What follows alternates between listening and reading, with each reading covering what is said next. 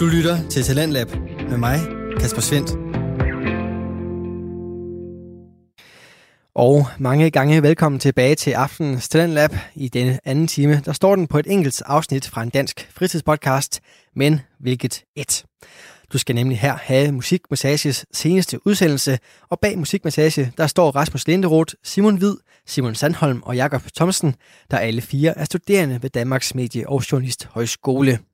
Her hører Studenterradioen genlyd nemlig til, og det er hos den, vi finder Musikmassages tilhørssted. De fire unge mænd, de står hver onsdag for at underholde lytterne, og denne gang er selvfølgelig ingen undtagelse. Du får både satiriske sange, kreative problemløsninger og en diskussion omkring det danske kongehus, alt sammen leveret fra de fire skæve hjerner, der altså udgør musikmassage. Hør med her. Tintin kunne jo faktisk spille øh, kontrabas. Johnny Huberland kommer cyklen ind i studiet. Morten Olsen. Oh, jeg troede sgu da, han var død. Det er simpelthen løgn. Hvis du har akne, så kan du bare ringe til os. Vi har LOC på bas. Hvis du har kraft, kan du også ringe. Nej, det passer Jeppe ikke. Kofod, hvis du skulle beskrive dig selv med fire farver, hvilke skulle det så være? Du lytter til Musikmassage. Mit navn er Rasmus Linderoth, og med mig i studiet har jeg som altid min tekniker Rita. Hej Rasmus. Hej Rita. Det er jo et par uger siden, at øh, vi sidst har sendt. Det må man sige, ja. Det har været en hård omgang. Ja, det har det. Hvordan, øh, hvordan har du det? Jeg synes egentlig, jeg har det okay, synes jeg. Men altså, der har jo ikke, øh, det har været hårdt at være væk så længe fra arbejde, synes jeg. Det synes jeg også. Øhm, vi, øh, vi har jo en ny ting, vi skal præsentere her i Musikmassage. Jeg har glædet mig så meget, Rasmus. Det har jeg virkelig. Det er jo på øh, dit initiativ. Det er nemlig på mit initiativ. Og det er jo fordi, at hver eneste gang vi starter med et nyt afsnit, så øh, skal vi altid lige høre, hvad du har lavet. Og det har vi simpelthen valgt at øh, kapsle ind, så nu kalder vi det altså for Ritas Råd. Ja, og her kommer Ritters Råd for første gang. Og det er altså helt brændt nyt, og jeg har glædet mig så meget til at vise det her frem. Og i den her uge, der vil jeg gerne anbefale strikkeri. Og det vil jeg gerne, fordi at jeg siden nedlukningen i marts har strikket. Og jeg synes virkelig, at det har været en kæmpe oplevelse for mig at begynde at strikke, og det er noget, der har udviklet mig meget som person. Så derfor vil jeg rigtig gerne anbefale alle derude, kvinder som mænd, at begynde at strikke, fordi det er noget, der både kære om dit mentale helbred, men også dit helbred generelt. Ja, fordi Ritas Råd går netop ud på, at øh, nu er Danmark ved at lukke ned igen, og du har en masse gode øh, ting, man kan lave, hvis, øh, hvis man sidder derhjemme og ikke lige ved, hvad man skal bruge, bruge tiden på. Lige præcis. Hvad har du, hvad har du mere råd til os, Rita? Jamen, jeg har sådan set kun sweater og strikke sweater for den her gang. Det er sådan set mit første råd, og så tænkte jeg ellers fremover, at jeg vil komme med et råd i løbet af ugen. Okay, så vi kan i hvert fald øh, se frem til, at der for nu af kommer et godt og solidt råd for dig. Et brandgodt råd, Rasmus, hver uge. Det øh, glæder jeg mig i hvert fald til, og det er jeg sikker på, at øh, lytteren derude også gør. Som sagt, velkommen tilbage til Musikmassage. Jeg håber, at du har fundet dig rigtig godt til rette indendøre, måske under dynen i sengen eller under tæppet i sofaen. Danmark er som sagt lukket ned igen, men Musikmassage åbner op, min ven. Ja, det var måske lidt cringe, men det gør ingenting. For vi åbner nu klædeskabet til radioens svar på Narnia, og du kan bare komme med ind. Rigtig hjertelig velkommen til.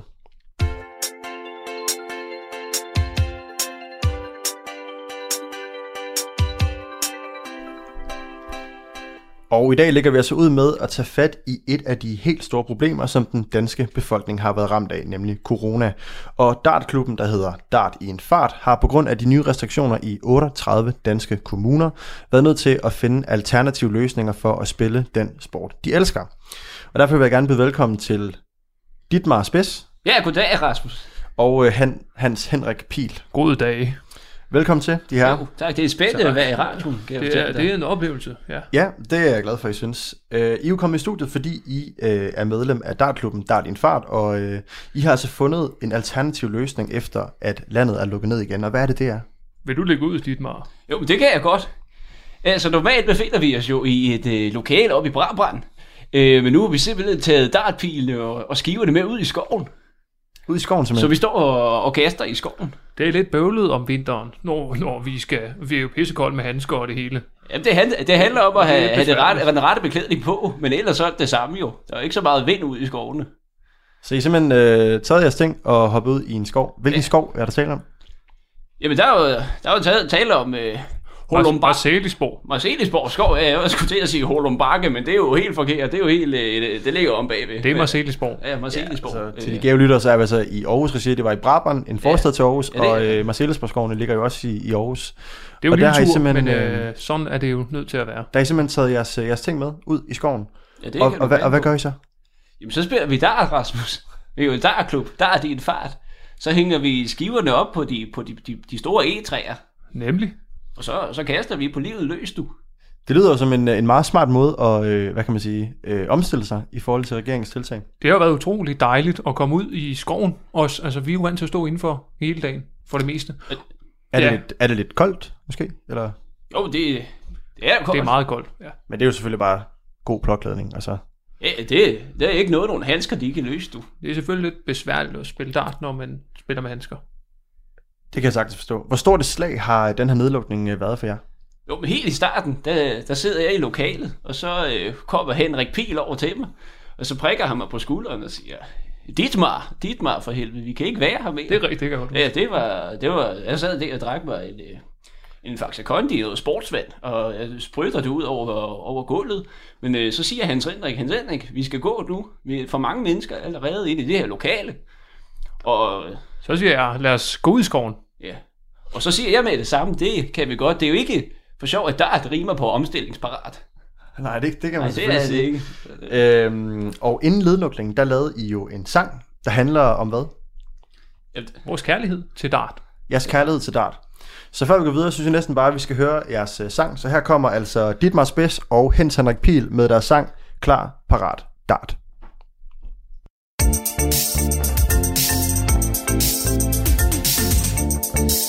Yeah, yeah. Der er en fed taler, en Jacob T. Rammer triple 20, du ved det vil ske. For min pil flyver flottere end Harry Potter, du ved. Min leder der er klar, har, har der ingen sved. Jeg er så sikker, at det bliver til en leg. Haps, haps, haps, der var endnu en bullseye til mig. Så giv plads, ryk dig lige en mil. Jeg er som Legolas, når jeg bruger mine pil. Jeg vinder over Britter, see you later. De frygter mig så meget, kalder mig for Darth Vader. Du er dum som Victor Krum Hvis du tror det er din tur. Jeg er elegant som Fleur Delacour Og bare rolig, I skal nok få nogle souvenirs. Giver en autograf på et billede af mig, der rammer 180 Yeah, der rammer 180 På et billede af mig, der rammer 180 Solbriller og panodil. Sidste aften var mega vild. Min ho og en dartpil. Triple 20 og så ud i min dartbil. Solbriller og panodil. Sidste aften var mega vild. Min ho og en dartpil. Triple 20 og så ud i min dartbil.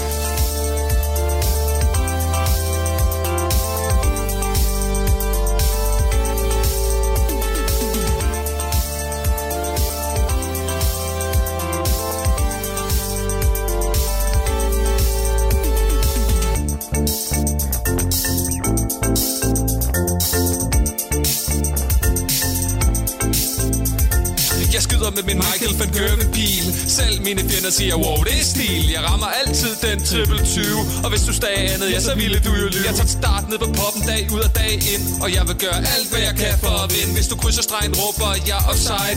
Sparker dig over knæet, så du taber din prins Du skal ikke prøve at snyde, for så brækker jeg dit ben Som Peppe, jeg kommer altid for sent. Hvis jeg ikke slår dig, får du en skulder i dine løg. Lær det er Conor McGregor mod en cowboy. Solbriller og panodil. Sidste aften var mega vild. Min ho og en dartpil. Triple 20 og så ud i min dartbil. Solbriller og panodil. Sidste aften var mega vild. Min ho og en dartpil. Triple 20 og så ud i min dartbil.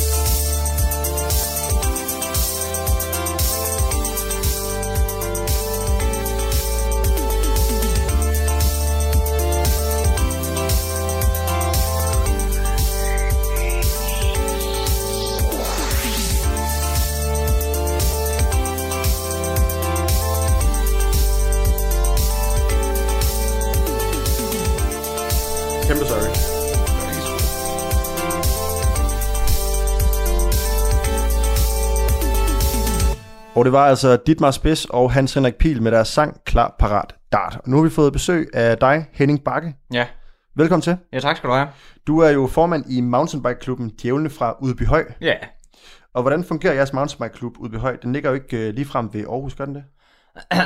Nej, altså det man lige skal forholde sig til i den her situation, det er jo, at øh, nu sagde du selv i navnet øh, Udbyhøj. Øh, vi kommer jo fra Udbyhøj, og øh, til dem, der ikke lige skulle der være en enkelt, der ikke ved, hvor det er henne, jamen så det ligger lidt i, i nordenden af Randers Kommune. Øh, og der ligger lige ud til vandet, og, øh, og det er meget, meget flad deroppe, så, øh, så derfor så øh, har vi ligesom valgt at sige, at vi vil gerne køre med noget mountainbike, Øh, og der har vi så fundet et godt område nede i Aarhus, øh, uh, Marcelisborg, hvor der er nogle rigtig fine ruter. Så i stedet for at ligge og sus rundt uh, på en flad vej op ved Udbyhøj, jamen, så, så vælger vi altså lige at, at, at hoppe ind og, ind og køretøjer, og så køre ned til Marcelisborg, når vi skal have en tur på mountainbike. Så et par gange om ugen, der tager I simpelthen jeres ting og øh, smider dem på en trailer, og så er det altså bare til Aarhus, eller? Ja, vi smider så en lukket trailer øh, ind imellem, øh, alt efter hvor mange vi er nogle gange. Så ofte kører vi med ham, øh, chaufføren, der hedder Johnny. Han, øh, han har en, øh, en lastbil, som, øh, som vi så hopper øh, ind i. Øh, er du heldig, kan du få lov at sidde på forsædet. Men ellers så, så sidder faktisk som bag i om på ladet der. Det lyder alt sammen fint. Hvad har nedluk- nedlukningen øh, betydet for jer? Ikke det store, vil jeg umiddelbart sige. Uh, vi er jo så heldige, at vi dyrker vores øh, sport udenfor. Uh, det giver lidt frisk luft. Det har jeg altid synes, det giver god mening, når man dyrker sport. Hvorfor skal du stå indenfor i, i stillestående luft? Kom ud og finde luft. Og, uh, og i vores sportsgren, der holder vi god afstand uh, som udgangspunkt, fordi uh, mountainbike er lidt farlig. Så, uh, så det har ikke betydet det store. Dit mig, hvorfor fanden er der Øh. øh, cykeltøj på inde i studiet? Ja, det står den jeg også måde, stusset ja. over. Hvorfor fanden er der cykeltøj på herinde? Ja. Det er sgu da pisse Hvor- mærkeligt. Det ser sgu ikke godt ud, du. Ja, det, er de slukket, de der... Uh, Jamen, det, der, det er da et meget det larmer lidt i mine Altså, du, øh, hovedtelefoner. du står jo i Lykra, altså øh, kommer du lige fra, fra træning? sgu da en kæmpe Ja, vi skal idiot. lige ud og køre her bagefter. Idiot, mand. Men det var altså et lille råd til alle danskere, der sidder derude og tænker, hvad skal man dog bruge tiden på her i nedlukningen? Man kan selvfølgelig bare øh, hoppe på sin mountainbike Ja, det er noget, og, øh, øh, og hoppe ud i de danske skove. Kæft, hvor du grim, mand. Hov, jeg synes lige, øh, vi, skal, vi skal prøve at, at styre Der er nogen, der ikke rigtig kan holde sig i uh, skin derovre, det kan jeg da godt se. Ja, og det vil er kraftedeme out om. grim at se på, mand. Ja, det Ja, videre det er så til, fint, det er så fint. Til, til næste spørgsmål, fordi det, der er sket, det er, der er opstået en uh, lille, lille problemstilling ude i Marcellesborgskoven, fordi efter at uh, Hans Henrik Pil og uh, Ditlev Spids har været nødsaget til at tage deres Mm. sportsgren med ud i skoven, så er der opstået en lille kontrovers. Det kan man vist godt kalde det, kan man ikke det? Det kan man ikke Ja, kald det hvad du vil. øh, Kontrovers. Lad os prøve at tage den helt fra starten af, de her. Hvordan, hvordan startede den her øh, problemstilling og kontrovers? Det starter jo ved, at vi flytter ud i skoven, som, er, som jeg synes personligt er plads til alle, og placerer en dartskive på et rigtig flot egetræ. Det Og, er et af de flotteste E3, jeg har set. Det er det sgu er- da bøgetræ. Ja, det er en af de store træer, du ved, med, med kronblade og det hele. Jeg tror, det Og er så- bøgetræer i Ja, ja, bøgetræ, spøgetræ. Nå, men så står vi øh, over på den anden side. Øh, at der går så en lille sti mellem bøgetræet og, og os, hvor vi står og kaster. Så står vi og kaster over øh, stien for at ramme vores startskive. Og det er han så tydeligvis pisse irriteret over. Nej, men altså som udgangspunkt, så når vi kommer cyklen der, så når vi ser, at der er nogle mennesker, så giver vi selvfølgelig tegn med vores øh, ringeklokke. Og det gør vi også i den her situation. Ja, Og da vi så kommer lidt nærmere, så finder vi ud af, hvad det faktisk er, de har gang i. Ja, vi står jo og kaster over, over stien, hvor Ja. de cykler. Og Det synes han er... Ja, lige præcis, og, og det er rigtigt, øh, øh, dit meget spids. Men Henning Bakke, hvad er det, hvad er det der sker, når, når, I, når I finder ud af øh, på jeres mountainbikes, at der simpelthen er rykket dartspillere ud i skoven? Hvad tænker I om det? Hvad vi tænker? Ja. Uh, ja, altså, det er da klart, det synes vi da, det er en træls uh, situation. Altså, det, det, det er sådan set fint nok, at man tager ud i skoven og bruger den. Det, det er sådan set ikke det, jeg sådan er, er, er træt af. Men, uh, men, men uh, vi gør lige opmærksom på, når vi kommer med, med en ringklok. Og det bliver de så af en eller anden grund hamrende sure over, over i dartforeningen. Det er sgu da pisse irriterende at komme og larme. Helt af helvede, når man står og skal til at skyde. Ja, nu kan man sige, nu var vi der ligesom først. Når han bjæller med klokken, så, øh, så, så giver det jo øh, et stort chok til os startspillere. Det ender jo med, at vi kaster helt af hulen til, du. Og så er det svært at komme med i de store turneringer her til marts, Rasmus. Så er det rigtigt forstået, at fordi at mountainbike, øh, hvad hedder det, cykelrytterne, de simpelthen ringer med deres klokke for at Bevidst. vise, her kommer jeg, så bliver I øh, frustreret og øh, kommer ud af jeres fokus. Ja, I selve skudøjeblikket. i skud, og det er altid i skudøjeblikket, det ringer. Vi kan Ja, jo godt se, det er jo at- planlagt. Ja, I skyder sgu da hele tiden. Der er jo aldrig en, som ikke er i et skudøjeblik. Det er det, der er så latterligt. At I ikke lige kan tage den pause, når vi kommer. Og det er jo ligesom det første problem, der kommer, det er, at øh, ringklokkerne, de larmer lidt for meget ifølge, øh, ifølge jer to dartspillere her. Hvad er det så, I gør? Fordi det, det bliver jo ikke ligefrem bedre herfra. Gør det det? Gør og gør. Jeg synes ikke, at vi gør noget. Jeg bare bare sige, hvad, der, hvad I gjorde, ikke? Ja, I altså, vi, er stedet for at stå og gemme jer. vi er nødt til at give dem le igen, Rasmus, fordi de, de står jo der og er træls i noget tid, så, øh, så jeg går over til Hans Henrik Pil, og så siger jeg, Hans Henrik, nu skal de i den dyl med hat, du. Og det sagde jeg ja til. Ja. Så vi begynder simpelthen bevidst, at, og det kan lige så godt sige, som det er, Det er sådan, det er. Ja. vi begynder at kaste efter jeres dæk, for at lave en lille hul, som eventuelt kunne resultere i en god punktering længere ned ad stien. Så I skulle simpelthen øh, bevidst forbi øh, dartskiverne og, og, for at ramme øh, mountainbike-hjulene. Det er kraftigt med så Hvad- usportsligt. Det er så usmageligt. Hvad sker der opførsel. inde i dig, når du finder ud af det? Når I kommer kørende her i ovenikøbet øh, fuldstændig øh, bevidst omkring jeres øh, kørsel. I ringer med klokken, alle ved, I er der, og så bliver I øh, simpelthen sigtet efter og skudt efter med dartpil. Ja, det er da intimiderende, og det er da, jeg har da aldrig oplevet noget lignende. Men det er jo ingenting i forhold til, hvad I gør bagefter. Nej, hvad er det så, I gør? Først og fremmest så vil jeg godt lige sige, at jeg har altid tænkt, at det ville være en god idé, hvis man kunne løse det sådan, at voksne mennesker, og øh, der er af en eller anden grund havner i en konflikt, de sætter sig ned og snakker om det. Fandme da, om jeg har nogensinde oplevet nogen, der tager en dartpil og kaster dem efter vores dyre dæk. Men det korte og lange er, at der er en på vores hold, som har lidt problemer privat. Og han øh, hisser sig en lille smule op i det her. Så han, øh, ja, vi har jo noget drikkedunk med på turen, og der vælger han så lige at tisse lidt i den. Og så næste gang han kører forbi dartklubben, ja, så sprøjter han så det vand ud over, Det og, det viser sig jo så, at det er noget andet vand. Ja, fordi øh, Hans Henrik Pihl og, og Dietmar Spids, I tror jo til at starte med, at det faktisk bare er vand. Altså, I tror, det er en lille spøg. Men så finder vi ud af, at det lugter af pis. Jamen, hvordan er det, hvornår er det, det går op for jer, at, at der faktisk taler om urin? Det er da, jeg bliver ramt af pis. Jeg kan mærke, at jeg har fået pis lige i hovedet. Jeg er garanteret, fordi du drikker det til daglig, så kan du smage, ja, det, var, det skulle da vist Jeg ikke. kan da godt lugte, hvordan pis det lugter. Jeg har da også været på toilet. Jeg tisser tit ud i skoven. Vi tisser der ved siden af. I kunne da bare hælde det ud over der, hvor vi tisser. Altså, det er sgu da fuldstændig sindssygt at gøre sådan noget. Det går lange af, Rasmus. Det, det var helt bevidst. Det var et bevidst forsøg for mountainbike-klubben på at ruinere vores startspil. Og det vi så gør, det er, at øh, min kone, hun har fået corona for et par uger siden. Ja, Kirsten der, Ja, det, Kirsten, ja. det slår slemt til derhjemme. Hun vidste jo sige. simpelthen, hun var ret skidt, så vi, vi siger, okay, ja, det kunne vi jo godt bruge til noget positivt. Så der tager vi så alle dartpilene lige hjem forbi Kirsten, får lov at slikke lige en tur på alle, alle pilene, Ligesom med friværker, Rasmus. Bare med pil den her. og hun er god til at slikke. Øhm, så hun tager dartpilene, slikker på dem, og så tager vi dem med ud i skoven, og så sigter vi efter lovene i stedet for, så hvis de ikke er sat ned med lærer, de skal opføre sig Ja, ordentligt. hvor de største blodøjer, vi kan se. Sigter vi. Det lyder, altså, jeg synes godt nok, at hele den her konflikt har, har, har optrappet sig meget, meget, meget hurtigt. Øh, Henning Bakke, I er Ja. jo, hvor mange er I på jeres mountainbike hold? 8. I er otte. Ja. Øh, hvad sker der den dag, I kommer kørende? Og Ja, der sker det får, jo så, at de kaster øh, efter os øh, alle sammen, ikke? Og øh, det går hverken værre eller bedre, end er tre, der bliver ramt af ildåret. Hvilket medfører straks symptomer og coronavirus. Ja, og, og så, det, så er I jo nede på fem. Ja, så ryger vi jo ned på fem, fordi der er øh, tre øh, mand stærkt, der ligger hjemme smittet med covid-19. Men Jeg, stop, giver, så, jeg giver da heller ikke en vaccine mod øh, corona, jeg vil have en mod øh, mountainbike-rytter. den tror jeg ikke lige er blevet, øh, blevet opfundet endnu, for at være helt ærlig. Det er da den, vi prøver at lave der. Den laver I simpelthen Ja. i jeres ja. Fritid. Bare give dem det. Det kan være, at I kan komme med i det kapløb, om hvordan man laver sådan en. Jeg synes, at måske I lige skulle bure jer selv ind i et forskerlaboratorium i en 3-4 måneder, og lige prøve for at prøve at se, om I kan finde ud af at lave Og så spiller sådan man en. smart igen. Hold Spiller man nu smart op. igen, var. Men Henning, Henning Bakke, vi skal, Det gør man tilbage, fandme vi skal bare tilbage på sporet på mountainbike. Jeg synes, det er indbegrebet af ikke at vise samfundssind. Det er sgu da at gå ud og skabe en ny smittekæde. Jeg tænker i hvert fald, at hvis der er måske mange lytter derude, inklusive mig selv, måske, jeg ved det ikke endnu, men hvis det var mig, der kom kørende på en mountainbike, og øh, nogle af mine øh, øh, venner blev ramt af, af pile med corona, så ville jeg måske overveje at blive hjemme næste onsdag. Men hvad er det så, I gør? Jamen, så har de jo så har de der vundet. Så er det der også, der har tabt. Så giver vi jo op. Og der er så, jeg siger, nej, nu hisser, eller, så jeg skal da indrømme, jeg hissede mig en lille smule op, da de begyndte at kaste coronabil efter os. Så derfor så vælger jeg simpelthen tage sagen i egen hånd, og så tage ved rådets kerne, så at sige, eller hvad fanden man siger. Det at gøre, det er, at øh, låner min nabo Peters uh, motorsav, så kører jeg ud i skoven, og så fælder jeg simpelthen det træ, de har hængt den dartskive på. Så kunne jeg lære det. Det er helt store egetræ, Rasmus. Det er sgu da et bøgetræ. Ja, men det bliver fældet i hvert fald. Ja, øh, Så kan jeg da finde et andet sted. Marcellesborgskoven er jo en, en stor skov på, på flere tusind øh, kvadratmeter. Der er jo relativt mange træer, så hænger I ikke bare jeres øh, dartskive op på et andet træ? Ej, men det der træ, Rasmus, det store egetræ, det, det har betydet meget for os i den her nedlukning. Det er ligesom at dræbe et barn, da han skærer det ned. Det er ikke bare lige sådan at finde et nyt træ, som vi kan hænge vores pile på, eller vores startskive på. Det er det, der får bæret til at flyde over for os. Ja, det er at... Okay, så, okay, så I hænger ikke bare jeres, jeres startskive op på Nej, det? der, der sker noget andet, du. Ja, hvad, hvad, hvad er det så, I gør? Fordi det står jo heller ikke her. Men Hans Henrik, han kender jo en fyr, der hedder Johnny fra Holland.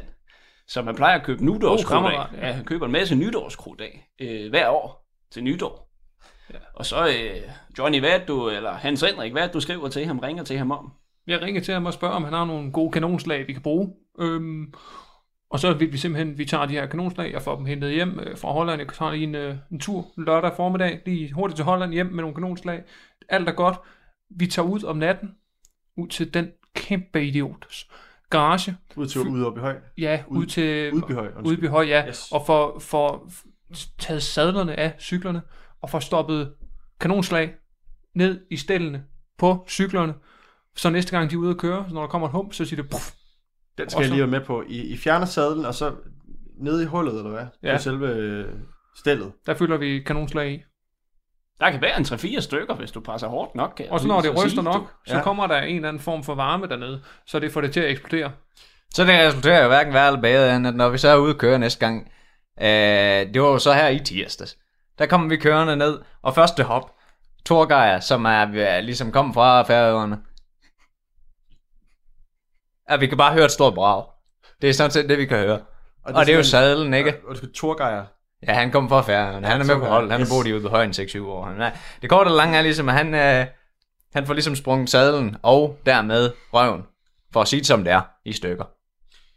Det lyder jo fuldstændig øh, forfærdeligt. Ja, det kan jeg sætte ned med dig og fortælle dig, at han synes, det var. Så kan man lade være med at fælde lidt træ, vi spiller dart ved. Ja. Det skulle jeg hilse at sige, du. Man kan jo også vente om at sige, at nu, nu har Torgeils øh, øh, ende ligesom haft en ende. Fået- Det kan du jo sådan set sige, hvis ende. du skal stå og lege sådan en sjov Øh. journalist, der skal lave sådan en lille sjov vinkel på det. Jeg tror sat ned med ikke, at Torgeir, han synes, det er særlig sjovt. Jeg På vil grund, så af, sige, på grund af ringklok. Det er måske lidt absurd, vil nogen øh, måske tænke. Jamen prøv at høre, vi har jo bare fortsat med at dyrke vores sport. Så lukker landet ned, og så kommer der alle mulige ud, som vi skal forholde os til. Og, og, og ikke nok med, at de ikke engang er interesseret i at finde en løsning. De prøver fandme at ødelægge øh, vores... Øh...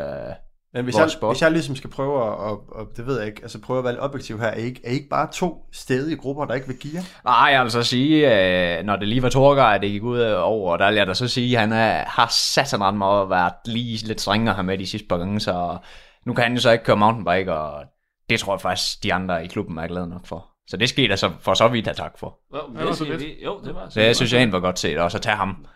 Så ja, ja. Jo jo. Nej, det er sgu noget fint nok fyre, Så der står. har, I fundet noget, I er enige om her? Han havde jo noget fedtet hud. Han, er, han har en latterlig hud. Jeg Ja, tror, det er er færøerne. Når de Ja. kommer til Danmark, så kan de ikke rigtig omstille sig til Og for lidt blæst, klimaet. Og... For lidt blæst i Danmark. Det er meget, for meget fedtet mindre, ud. ja. ja, Det er ja. sådan en saltkiks der. Ja, det ligner sådan en Kæmpe saltkiks med olie ja, ja. på. Til gengæld vil jeg så sige, har I også mødt uh, skovbørnehaven derude? Jeg Vader For rundt. helvede, mand. De små børn. Ja, ja. Det er helt af Ja, helvede. det er sgu. I de her små flyverdragter, de skal åbenbart ud, og de snotter rundt over det hele. Og Og går over stierne. De går nemlig på på stierne. ja. Det er fandme sjovt, dit han kom til at ramme en af dem den anden dag, han skød forbi, så kom der lige pludselig en barn gående ned, men det har vi så ikke sagt. Ja, det var nogen. nok- Nej, nej, det var bare ja. Det er nok der er noget der, der skal til, hvis de sådan lige skal væk. Det kan De sgu skal da ikke være. være i Marseillesport, kom. Det vil jeg sige. Vi er også begyndt at skyde lidt efter dem. Ja, okay. Nå, Nå, noget Jamen, skal vi ud og have et kig på det, eller hvad, hvordan det lige ser ud i Skal dag? vi lige gå ud og, Lige tjekke. og Uh... tage bestik af? Det kunne ja, da det godt. Jeg har fået gavekort ud til Dalle Valle, det kan være, vi skal Nå. mødes og måske snakke lidt om, hvordan vi... Jeg tror, det er lukket. Er helt- Åh, oh, for helvede. Åh oh, ja, men Dalle Valle, det, vi skal i hvert fald finde ud af noget. Skal vi Lad os gøre det, ja, ja, det Mod synes jeg. Ja, for jeg har faktisk lige en mountainbike-aftale nu her, så jeg må hellere Ja, komme vi skal ud og kaste nogle pile. Nå, jamen, øh, det må I have god held med. Henning, uh, Henning Bakke, ja, Dietmar. Spids og Hans Henrik Pil. Det virker til, at I faktisk formåede uh, her til slut at blive, uh, hvis ikke venner, så i hvert fald uh, kunne tale sammen. Jo, jo. Og, Bekendte. Og, og bekendte, og finde nogle ting, som I faktisk er enige om. Så Jeg har aldrig øh, haft noget personligt imod. Det lyder Nej, jeg kan da sige det Det samme. virker den som om, der bare det har været noget sted her, noget princip indover. Men ligegyldigt hvad, rigtig øh, hjertelig tak, fordi I kom ind i studiet i dag, og jeg ønsker jer alle tre og jeres respektive øh, grupper en rigtig god dag, og øh, håber ikke, der er flere, der bliver hverken bliver smittet med corona, eller får øh, pile i, i låret. tak fordi I kom ind. Ja, tak skal du have. Du lytter til Radio 4. Ja, du lytter til Radio 4 her med programmet Talent Lab, hvor jeg i aften kan præsentere tre afsnit fra Danske Fritidspodcast.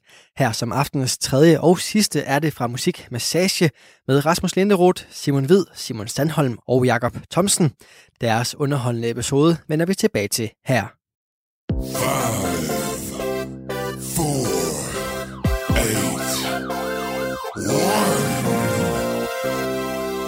Det er aktuelt.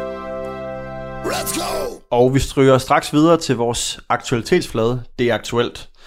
Og øh, vi kender det alle sammen. Vi kender alle sætningen. Tænkt, hvis du vandt. Men for 71-årig matematik, matematikprofessor Johan Genser fra USA er det faktisk virkelighed.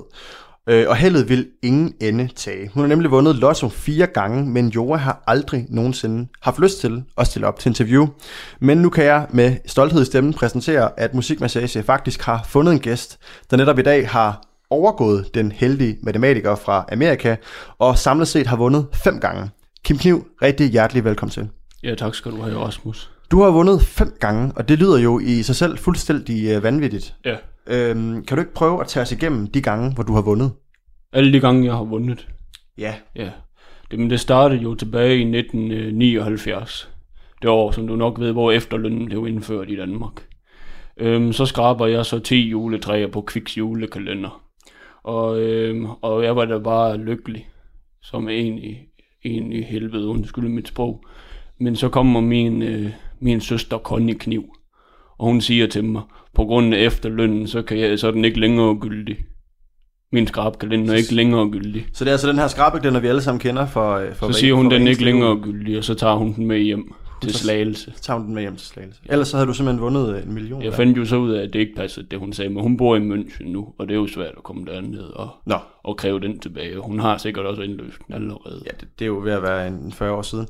Men altså, Kim Kniv, du har jo været i studiet adskillige gange før, og der har altid været en, øhm, en lidt uheldig aura over dig. Og derfor så er det jo også øh, rigtig dejligt for mig personligt, at jeg endelig kunne invitere dig i studiet i dag, for faktisk at fortælle en lille solskinshistorie fra, fra dit liv. Ja. Øh, det startede selvfølgelig ikke så godt, men der er jo stadigvæk øh, fire gange tilbage, hvor du har vundet. Vil du ikke øh, prøve at tage os igennem den næste gang, du vandt? Og næste gang, det var så otte år senere, i 87, hvor jeg var til nytår hjemme hos en af mine rigtig gode gamle kammerater, Karl Christian Børsting. Og så fremviser jeg så, og så siger jeg, jeg ser, at jeg har vundet 10 juletræer. Og så bliver han simpelthen så skide hammerende misundelig. Han sætter ild til den. Han sætter simpelthen ild til din juleklænder. Han siger dog undskyld senere, og så får jeg også lov til at tænde den første raket. Den hed Sweet India Glow. Det er Og det var noget af et brag. Ja, det er, selvfølgelig, øh, det er selvfølgelig dejligt, at du får lov til det. Men hvad er det for en følelse, der går igennem kroppen på dig her, hvor du kan se dine 10 juletræer simpelthen brænde op? Det var da godt nok ærgerligt, at det skulle ske igen. At jeg skulle miste den helt store julegevinst på en million kroner. Ja, fordi øh, man plejer jo at sige, at der er cirka 0,000002 procent chance for at vinde millionen i de her øh, ja. Quick skrabe ja. Ja. julekalender. Og du har altså formået at vinde den på nuværende tidspunkt to gange. Øhm, og begge gange er der sket et eller andet, øh, enten en kammerat eller en, en slægtning, der ligesom har, har gjort, at du ikke har kunne, kunne, kunne, kunne, øh, kunne få pengene udbetalt. Ja, det er fuldstændig korrekt. Det øh, er jeg godt nok ked at høre, men øh, heldigvis, og derfor er også derfor, du er i studiet i dag, du har netop overgået øh, Johan Genser med de fem gange, så hvad sker der så tredje gang? Jo, Det var jo i 1989. Øh, nej, 99, undskyld. Der var jeg inde og se den nye film Notting Hill med Hugh Grant og Julia Roberts. Og øh, det øh, går ikke lang tid, så det første scene, hvor Julia Roberts hun åbner munden, så bliver jeg lidt bange, kan jeg godt sige. Jeg har altid været bange for hendes meget store tænder. Jeg synes, hun har lidt for stor overmund. Øhm, så jeg skal simpelthen lige ud og lade vandet en gang. Og så går jeg på toilettet øh, og taber min juleskrabkalender ned i det, det fine pissoir, der er i Kolding Bio. Øh, og får simpelthen tisset på det. Så der ved du allerede, at du har fået de 10 juletræer. Ja, jeg havde 10 juletræer der. Og så da jeg skal ind i salen igen, så beder han mig selvfølgelig om billet. Ham kontrolleren der. Og så kan han jo godt se, at jeg i min venstre baglomme har en juleskrabkalender, der er fyldt op med tis. Og siger han, det kan du ikke have med herind. Men jeg vil jo gerne ind igen, for jeg kan rigtig godt lide Hugh Grant. Så den var jeg nødt til at smide ud. Og så var du simpelthen nødt til at, smide din, øh, din potentielle million kroner ud ja. Der. For at komme ind og se... Øh. Notting Hill premiere. Det er jo egentlig første gang, at du faktisk havde øh, et valg. Altså, du kunne jo have gået med, med millionen. Jeg ser i bagspejlet, der var det også lidt ærgerligt. Er det noget, du får, fortryder her øh, 20 år senere? Ja. Men det er det. Kim Kniv, vi skal huske på det. Du har jo stadigvæk to gange vundet øh, en Ja. million, så om du har to eller tre millioner, det er måske ikke, øh, ikke øh, så afgørende. Hvad er det, der sker fjerde gang? Hvordan vinder du der? Jamen, der har jeg også skrabet 10 juletræer og står til at vinde den helt store julemillion. Øhm, lidt senere skal jeg så ind og se scenen af din mellem jul og nytår. Og hvilket år er vi, undskyld? Jamen, vi er i år 2005, 2005. så det er godt 15 år siden. Yes. Ja, snart 16. Øhm, og så er en af dommerne er Mads Vangsø, han sidder til venstre for Etta Cameron.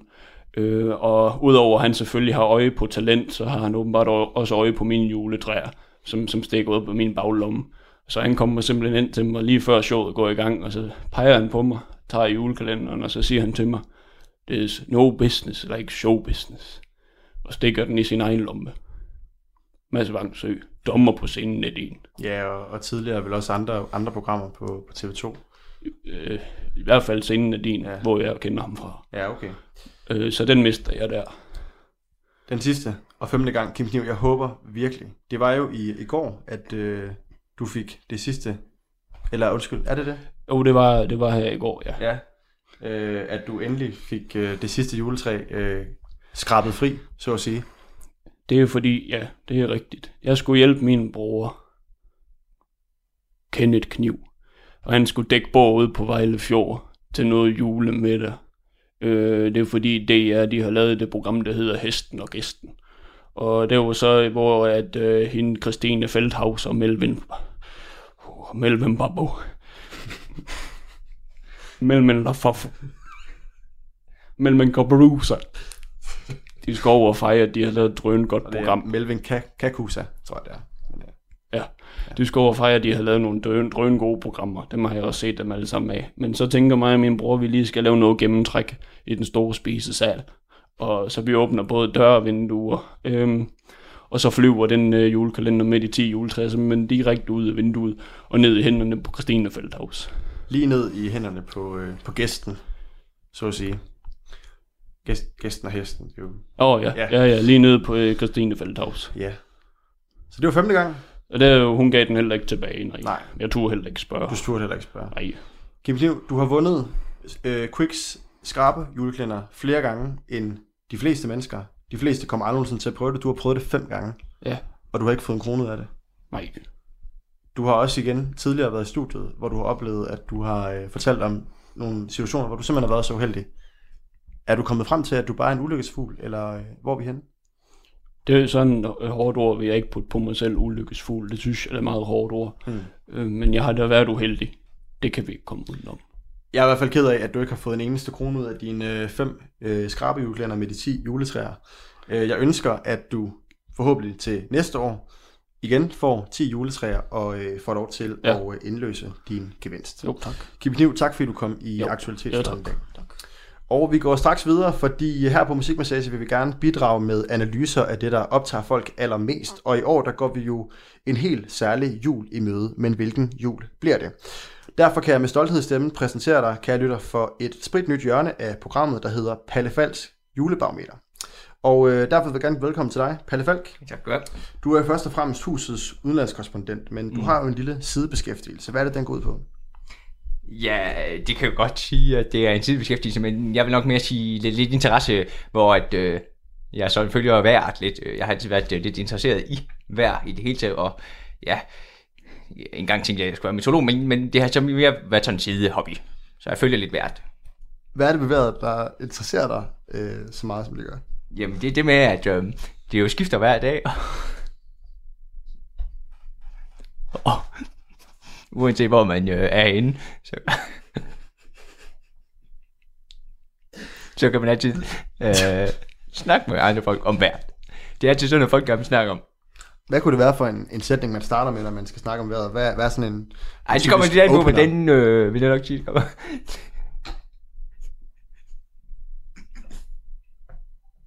det er på, hvordan vejret er. Hvis det er også, hvis det regner rigtig meget, så kan man jo sige, øh, sikkert er fælt vejr, fælt vejr i dag. Eller hvis det nu for eksempel, øh, vi oplever, vi oplever i år at have en meget varm september. så kan du ligesom sige, at øh, hvis nu man sidder og det går lidt til- i stå, snakken ved bordet, så kan man sige, øh, det er godt nok varmt i september. Ja, fordi internationalt, der er Danmark jo øh, utrolig kendt for at være en nation, der snakker rigtig meget om vejret. Er der også nogle fordele ved det? Jeg snakker meget om vejret. Altså, det er klart, når, øh, når man er lidt interesseret i vejret, så er det så det, øh, så det, synes jeg jo, det er fedt. Det er lidt det samme med, øh, i Danmark snakker vi også en del om politik, og det er jo lidt sjovest at, at være i, øh, i, i en gruppe, hvor der bliver snakket meget om politik, hvis man selv er lidt interesseret i det. Så det er sådan lidt det. Øh, Men Palle Falk, vi skal jo til det. Hvor står vi på hvidhjulsbarometeret? Vil du ikke helt til at starte med bare lige forklare os, hvad er det nu men helt altså, hvid præcist jul er? handler jo lidt om det her med, at alle er lidt øh, spændt på, øh, bliver det nu en hvid jul i år? Og det sker jo altså ikke øh, så tit. Vi har haft det ni gange siden 1990, så øh, det er ikke fordi, det sker så tit. Øh, men alle er alligevel sådan lidt, fordi øh, jul er tit forbundet med sne og så videre. Øh, så det vi gør i videospaltmeter, det er at lave nogle beregninger, som ligesom øh, kan øh, føre os frem til, øh, jamen, øh, hvor stor er sandsynligheden for, at øh, det bliver hvid jul i år.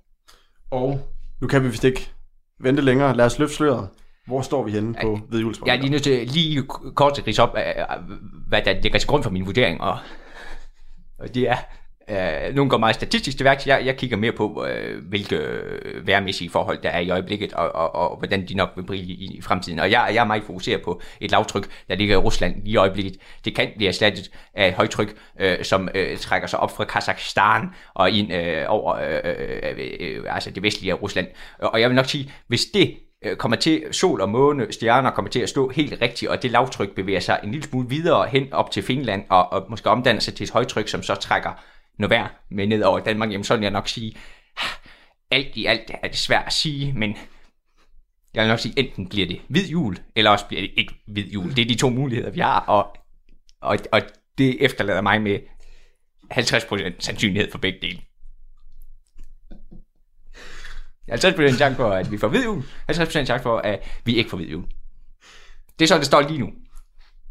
Palle Falk, tak fordi, at du kom i studiet i dag og kom med den hvidhjulsbarometer-analyse. Det var altså aktualitetsfladen med Kim Kniv, der har verdensrekorden i antal gange, man har vundet Quicks juleskrabeklænder, og Palle Falk med vores nye segment, vedhjulsbarometeren. Du lytter til Talentlab med mig, Kasper Svendt. Vi er i gang med aftenens tredje podcast afsnit her i programmet på Radio 4, der giver dig mulighed for at høre nogle af Danmarks bedste fritidspodcast. Du kan i denne time høre en episode fra det satiriske studenterradioprogram Musik Massage med Rasmus Linderoth, Simon Hvid, Simon Sandholm og Jakob Thomsen. Og nu er det blevet tid til episodens hyggehjørne, hvor den står på en helt central diskussion og episodens sidste sang. Hør med videre her. Nu tænder vi op i pejsen. Tag hjemmefutterne på. Velkommen til sofakabinettet. Og det var sofa-kabinettet. Ah. I Danmark elsker vi vores kongehus. Der er bred opbakning i befolkningen, og dronning Margrethe den anden at Danmark er en vældigt og elsket regent. Men hvorfor har vi monarki i Danmark? Er det et levn fra gamle dage, og hvad betyder kongehuset for helt normale danskere? Det er blot nogle af de spørgsmål, vi skal forsøge at få besvaret her i Sofa-kabinettet i aften. Vi skal nemlig snakke om monarki i Danmark. Og derfor vil jeg gerne byde velkommen til dig, Karl Kanon, Ja, vel? Oberst. Du har tidligere gæstet Sofa-kabinettet Ja. og har en fortid i uh, forsvaret. Ja. John Gunn Garrison, Hej Rasmus, økonomisk vismand, økonomisk korrespondent for magasinet Bedrift. det er lige præcis rigtigt, ja. Du har også tidligere gæstet programmet, Flere gange, ja. specielt i aktualitetsfladen, hvor du har gjort danskerne klogere på øh, Brexit og det amerikanske valg. Mange ting, jeg ved meget om økonomi i det hele taget, ja. Velkommen til dig. Tak. Og Niels Pedersen Steinfeldt, Tak skal du have, Rasmus. lommefilosof, spillemand, kært barn, har mange navne. Du har øh, stort set været med i alle programmer af Musikmassage, og du skippede vores sidste program, fordi at jeg lige skulle lægge dig på is. Og øh, jeg kan lige så godt være ærlig at sige det. Jeg har også snakket med Rita, er det ikke rigtigt, Rita? Det er nemlig rigtigt, Rasmus. Vi har, vi har savnet dig. Jamen, jeg har også savnet at være Og øh, det var sgu ikke det samme uden dig. Nå, men altså, jeg er klar igen. Topform. Så jeg er glad Fik for, samlet at, lidt energi i sidste uge. det er jeg glad for. Øh, vi er i hvert fald glade for, at du igen er med os øh, her i Sofa-kabinettet. De her, vi skal som sagt snakke om monarkiet i Danmark, og øh, ja, lad os bare prøve at, øh, at starte ud med lige at få en, en, en feeling om, hvor I ligger henne på, øh, på øh, for eller imod monarkiet. Øh, Karl Kanon, er du fan, eller er du ikke fan af det danske kongehus? Jeg er stor fan for F-O-R. For monarkiet? Yes. Ja, ja. Godt. Dejligt kort. John Gunn, Jeg er ret meget imod. hvordan kan det være? Det er mest noget med økonomi at gøre. Jeg synes ikke, at det kan svare sig. Og et kongehus, når det er, at det koster så mange penge for det danske samfund. Der er selvfølgelig øh, meget tale om, at man bruger utrolig mange millioner på at øh, have et kongehus, men der er også mange, øh, der siger, at pengene kommer ind igen. Hvad tænker du om det? Jamen, det, det er et pure løgn. Det, det, det er ikke meget til for folk, der siger sådan noget der. Hvor, hvorfor har du ikke det? Jamen, det, det, det, det er jo simpel økonomi. Hvis der kommer penge ud, så er det ikke nogen garanti for, at der kommer penge ind igen. Og jeg har jo selv lavet mine beregninger på det her. Og derfor er jeg nået frem til, at det er af helvedes til at have et kongehus. Fordi det koster simpelthen så mange penge, og der er ingen... Altså, jeg er ikke noget til års for folk, der siger, at det er en økonomisk gevinst at have et kongehus. Det er pur løgn. Der er jo mange, der mener, at det kommer ind i blandt andet Jamen, turistindtægter. det er løgn, Rasmus. Nej, det, det er bare helt forkert. Jeg har regnet på, Jamen, vil du ikke prøve at tage os med ind i, i regnemaskinen, så at sige? Altså, hvad er det for nogle beregninger, der ligger til grund for øh, din konklusion? vi kan starte med at fokusere på det her med, Rasmus, ved du hvor mange, der er ansat i kongehuset? Det gør jeg ikke, ikke, lige på stående Der er rigtig, rigtig mange ansat i kongehuset. Og de skal have rigtig, rigtig mange lønninger. Ved du, hvor mange penge en hofmarskal han får i løn? Nej, 40 40.000. Han får rigtig, rigtig mange penge. Og jeg synes, at det er totalt unø- øko- økonomisk uansvarligt at betale så mange penge til en mand, som ikke har nogen værdi for samfundet. Og det samme med alle de tjenestefolk, der går, og det samme med garderne. Prøv at tænke på det militær. Det er bare unge drenge, der bliver kastet ud i noget krig ind på Amalienborg, som bare skal stå der og glo. Så skal vi vist lige finde kammertonen en gang. Åh, ja, for Det godt. skulle da- jeg svag, glemte der, blev liret af der. Der er nogle garder, der står der for at sikre mod Danmark Men er du mod enig at terrorangreb. De skal, beskytte, de skal beskytte Danmark for krig. De skal ikke beskytte øh, kongehuset. Fordi det er jo, kongehuset burde sgu da beskytte sig selv. Altså det har de da gjort de altid. Prøv at tænke på. hvad- hvad Ej, men jeg synes nu, det er fint nok. Jeg synes, du skal passe på. Du er ude på dybt vand nu, John Gunn. det, det, I er forhold til de garder. det jeg prøver at sige her, det er bare, at det kan ikke svare så økonomisk. Og det er derfor, jeg mener, at det er helt helvede til et kongehus. Jeg synes, vi skal have en republik. John Gunn, tak for dine inputs. Vi kommer 100% til, tilbage til dig, så du skal nok få mulighed for at, øh, at uddybe yderligere. Øh, Niels Pedersen Steinfeldt, hvor ligger du henne? Ja, man bliver jo helt forbuset af sådan en, uh, en omgang over for økonomiprofessoren, eller hvad han er, men, men uh, kan der er være det korte og lange det er, at det korte og lange er, at uh, i demokrati, hvor man kan skændes noget så kosteligt, uh, der er det vigtigt, at man har en enhed, der samler nationen. Og, og det er bare sådan, hvis du får, øh, som for eksempel, tag nu USA, som du selv beskæftiger dig en lille smule med, øh, der har de jo øh, et præsidentvalg, fordi de skal have øh, ligesom en, en, en, en, en, et stags overhoved. Øh, den splitter jo befolkningen. Halvdelen synes, vedkommende er god, halvdelen synes, han er øh, en klovn. Hvorimod, øh, hvis du har et kongehus, jamen så samler man nationen. Så er de bindeledet, der kan samle hele alle klasser, alle skil. Det er vigtigt. Så Niels Pedersen, du er... Ja, og øh, der kommer... øh, Der bliver råbt hørt fra Ja, og det kan jeg fandme sige dig. Jeg er for. Det vil sige, for lige at opsummere herinde i studiet, vi er altså to herrer, der er for, og John Gunn, der er primært økonomisk grundet imod. Og det er jo derfor, at jeg synes, det er vigtigt at fokusere på økonomien. Og det er jo, det er, jeg ved godt, at det er svært for den almindelige dansker at se på det her fra et økonomisk perspektiv. Men det er der, det er vigtigt, at der kommer Du skal nogen ind stå mig. og snakke ned til Karl Kanon og mig. Øh, Det handler om, at vi har, øh, du har to dimensioner i dit liv. Det er udbud og efterspørgsel. Vi andre, vi kan godt se, at der er flere ting, der gør sig gældende her. Men jeg vil faktisk sige, Rasmus. Ja, Karl Kanon, vil du ikke prøve, og du fik heller ikke så meget mulighed for at, øh, at forklare, hvorfor du egentlig er Nej, men jeg, altså, af princip er jeg 100% for det danske kongehus. Men jeg har sgu blevet lidt, jeg er begyndt at tvivle lidt på det. Fordi dronning Margrethe, fed kvinde, hende kan jeg godt lide. Frederik, øh, kronprins Frederik, også en rigtig fin fyr. Fremtiden, Rasmus, den er dog skrøbelig.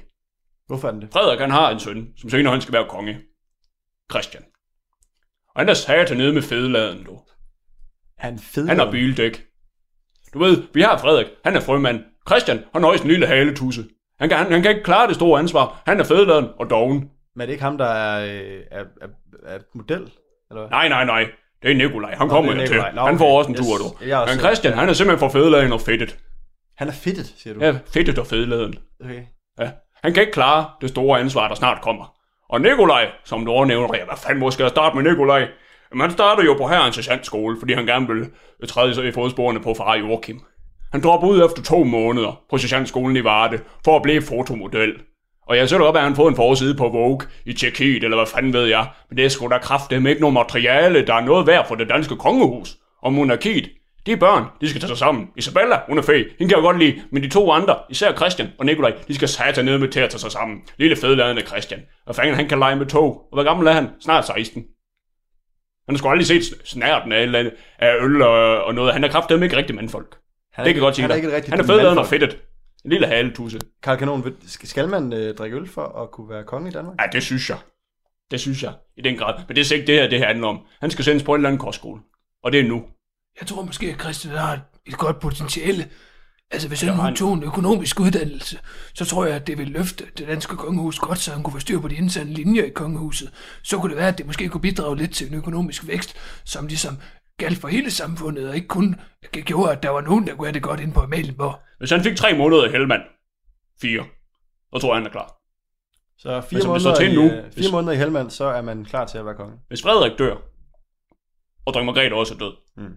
så går Danmark under, som vi kender det. Med mindre at Han lige tager fire måneder i Helmand. fire måneder i Helmand.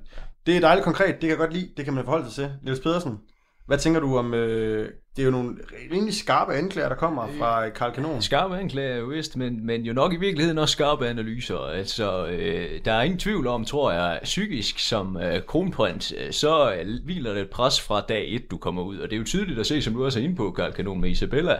Hende er der jo noget liv i. Øh, Der er jo lys i hendes øjne, hver gang hun øh, træder frem øh, offentligt. Og der kan man godt se, jamen, at Christian han er nok tynget en lille smule af, at alle kigger på ham, fordi han skal regere svært. et land på et Han tidspunkt. er, han er fed. Det er svært at få øjnene fra ham. Jo, det kan selvfølgelig godt være, men nu, nu har jeg aldrig været så meget imod, at, at drenge har en lille bitte smule at stå imod med øh, i udgangspunktet. Er der nogen af jer, der har nogle personlige oplevelser, eller nogle historier fra, øh, Og det kan jeg jo godt starte med, dog. fra kongehuset? Det kan jeg godt starte med, fordi jeg var i tid som livgarde på Marcelisborg. Og så hver aften, jeg vil få gerne med. Undskyld. Undskyld. Ja. På delen har det været, Det klokken har været 17.30. Så øh, prins Henrik, han, øh, han stikker sin svaber ud af det øverste vindue. Og står, Hans, hans svaber. han svaber. Ja, du ved. Hans, øh, Hvad er det? Det, det mandlige kønsorgan for helvede. Nå, Nå. Ja, så står hun og tisser ned i gårdspladsen. Nej, for- Og jeg kan godt sige dig, selvom vi var mange livgarder med nogle store sabler, så, så var han den, der besad den største sabel. Okay. Jeg kan godt se, hvad dronning Margrethe har set i ham, du. Han havde Hold da øh, kæft, ja. ja. dungert. okay. Ja, Ja. nej, for... Og det var altså prins, øh, prins Henrik. Jamen, jeg er meget stolt af, at jeg er en af de eneste, som har en rigtig personlig historie øh, med dem fra kongehuset. Det tror jeg sgu ikke, der er særlig mange danskere, der har. Jeg har øh, også, øh, Har du også en? jeg har også en, ja. Jeg blev, jeg blev en gang inviteret til dronningen nytårstafel. Det var i 2008. Og der fik jeg en invitation, men jeg synes simpelthen, det her med nytårstafelen, jeg synes, det er spild af penge. Så derfor så afviste jeg invitationen. Så jeg ringede op til dronningen, kunne åbenbart ikke få fat på hende, men så fik jeg sagt, at jeg gider satan ned med ikke det pis der. Jeg synes, det er totalt uansvarligt at holde sådan en fest. Det var jo dejligt. øh, Ja. Så tager man jo et statement. Niels Uanstændigt. Pedersen, har du også nogle øh, historier fra, øh, fra det danske kongerige? Øh, ja, jeg har nogle historier fra det danske kongerige. Nej, altså tilbage i øh, 89, Rasmus, der var jeg i Søværnet. Og, øh, i søværnet? Ja, jeg var i har, du, Søværnet. det har du aldrig fortalt. Nej, men jeg har da oplevet mange spændende ting. Men altså, det var... Nej, 89, jeg var en lille purk. Jeg var 20 år... Hvad fanden var jeg? Jeg er 19-20 år gammel. Jeg var ikke ret gammel på det tidspunkt. Ja, der var jeg i Søværnet, og øh, det er sådan i Søværnet, der, hvis du udmærker dig... Øh, hvis du viser godhed og flid, så kan du blive inviteret til at gøre tjeneste en sommer på kongeskibet Dannebro. Og det, ja, skæbnen ville, at der blev jeg udpeget.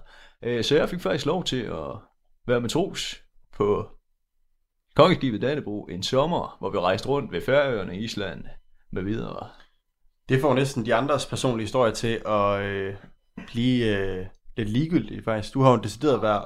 Jo, det gør det lidt, øh, Karl Kanon. Nå, du jamen, har altså, det, omkring øh, øh, det danske Ja, altså det sjove var jo så, altså vi, vi, vi arbejdede derinde, og, og der er bare, det er hårdt arbejde, man arbejder 12 timer dagligt, men du har jo lidt fritid der om aftenen. Og, Hvad gik og jeg- arbejdet ud på? Vil du ikke prøve at... at Åh, oh, men det var alt fra vedligeholdelse af båden til uh, ret sejlene til, vi skulle få pokker i den rigtige retning. Det var ikke matroserne, der styrede det, men, uh, men, men, men, men der var sådan, uh, vi gik til hånden på forskellige vis. Om aftenen, der uh, havde vi så fri en halv time, en time, og der greb jeg jo tit gitaren og, og underholdt lidt nede blandt matroserne, og, og det var jo til stor glæde for min... Øh, de andre øh, på, på skibet, ikke? Øh, og så var det, så, ville, så skete det så en dag, at, øh, at, øh, at øh, min befalingsmand, han kom ned, mens jeg stod og var ved at øh, ommontere nogle hængekøjer.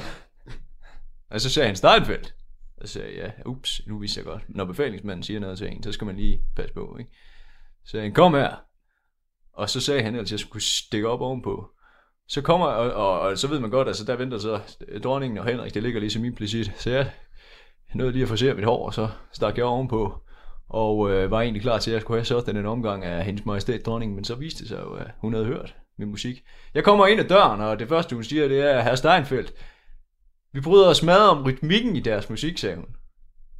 Kunne de ikke tænke dem at komme over og spille hvad, i hvad, hvad, er det, hun siger til dig? Der Hun siger, vi bryder os meget om, om rytmikken okay, ja, vi i bryder deres os. musik, sagde hun. Ja. Så jeg blev inviteret op i gemakkerne om aftenen, og skulle så Gemakkerne? underholde. Ja, gemakkerne og gemakkerne. Altså, de tilstødende lokaler, det er jo et lille skib. Okay. Så stuerne, om man vil, Stuerne, der ligger i yes. forlængelse af gemakkerne. Okay. Altså, øh, Henri var der, dronningen var der. Så fik jeg lov til at sidde og underholde en gang imellem der, og det var sgu en stor oplevelse. Rasmus. Det lyder jo, altså... det er jo de færreste mennesker, der får lov til det. Jamen, det kan du sagt. Det, det er det da i højeste grad, ja. Det store spørgsmål er jo så, om dronningen kunne, kunne lide, hvad hun hørte, når, hun, når du ligesom kom på kom helt hen og faktisk altså sang for hende. Ja, ja, men det gjorde, det, da, det gjorde hende da ikke mindre øh, venligt stemt, lad mig sige det sådan. Så, øh, så det gjorde jo så også, at vi, det er, der er en, øh, en, en, en, en tradition for, at man ligesom øh, mødes af alle, der har været på Danebro op til jul, når kongeparet er i, øh, i ja, de holder jo jul på Mercedesborg typisk, og så, øh, så blev vi inviteret der ind i en af juledagene, og skulle have en stor julefrokost. Og så bad hun mig selvfølgelig om at skrive en sang til den julefrokost. Det lyder da fuldstændig fantastisk. Det er jo en stor oplevelse. Er det en sang, man kan få lov til at høre? Ja, men det kan da godt være, jeg har da sat gitaren med i hvert fald. Altså, øh, Den plejer du her på ryggen, når, ja, du, ja, du kommer jo, ind i studiet. den er god nok. Ja, ja. Jo, men altså det, og det faktisk øh, leder mig lidt tilbage til det dig, John Gunn, øh, fordi det handler ligesom om, at øh, øh, når kongehuset ligesom øh, virkelig viser sig som en samlende enhed, så er det jo, når de kan invitere matros, befalingsmand, altså hele hierarkiet. Vi kom jo fra Øst- og Vest Danmark. Det var ligesom øh, høj som lav, det var mand som mus. Er det noget, der kan samle os som jul i kongehus? Det giver jeg ikke meget for.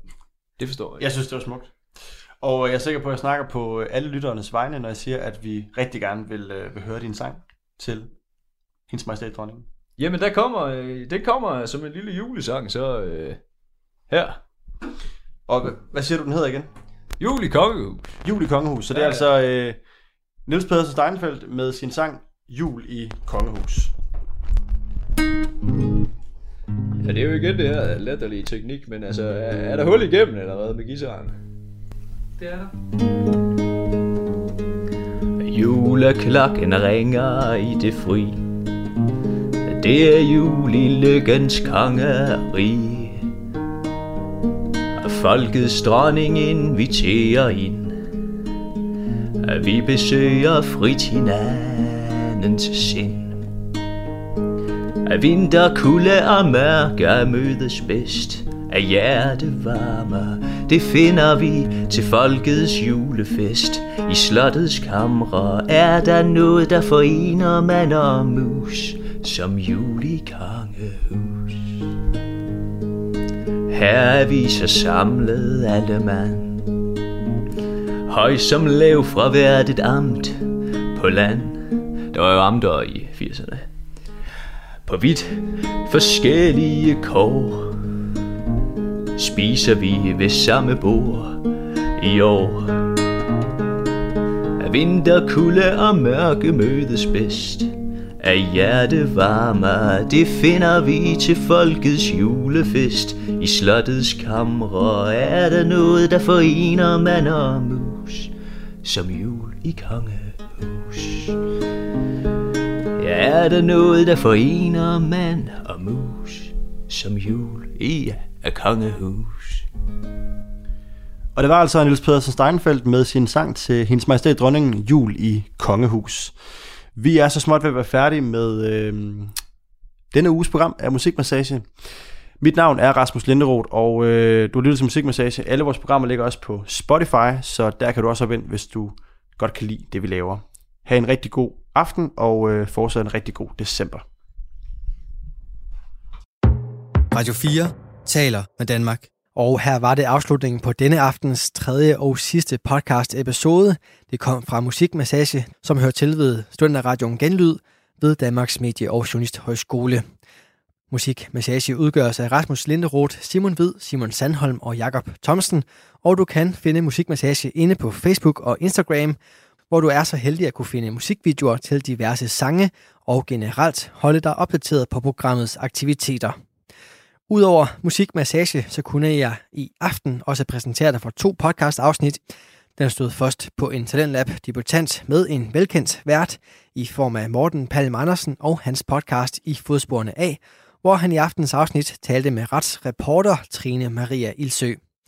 Derefter der fik du tredje og næst sidste episode af podcast-serien Svaneborgs adventskalender, hvor Rasmus Egert og Emil Hisk står for at spille alle roller og skrive historien.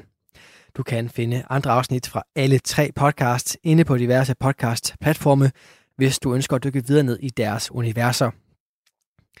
Og så kan du selvfølgelig også finde tidligere Talentlab afsnit inde i vores Radio 4-app eller på radio4.dk, hvor du også kan sende din egen fritidspodcast ind til programmet her, hvis du ønsker at dele den med endnu flere, samt deltage i vores podcast udviklingsforløb. Mit navn er Kasper Svendt, og nu er det blevet tid til nattevagten her på Radio 4. God fornøjelse og på genlyt.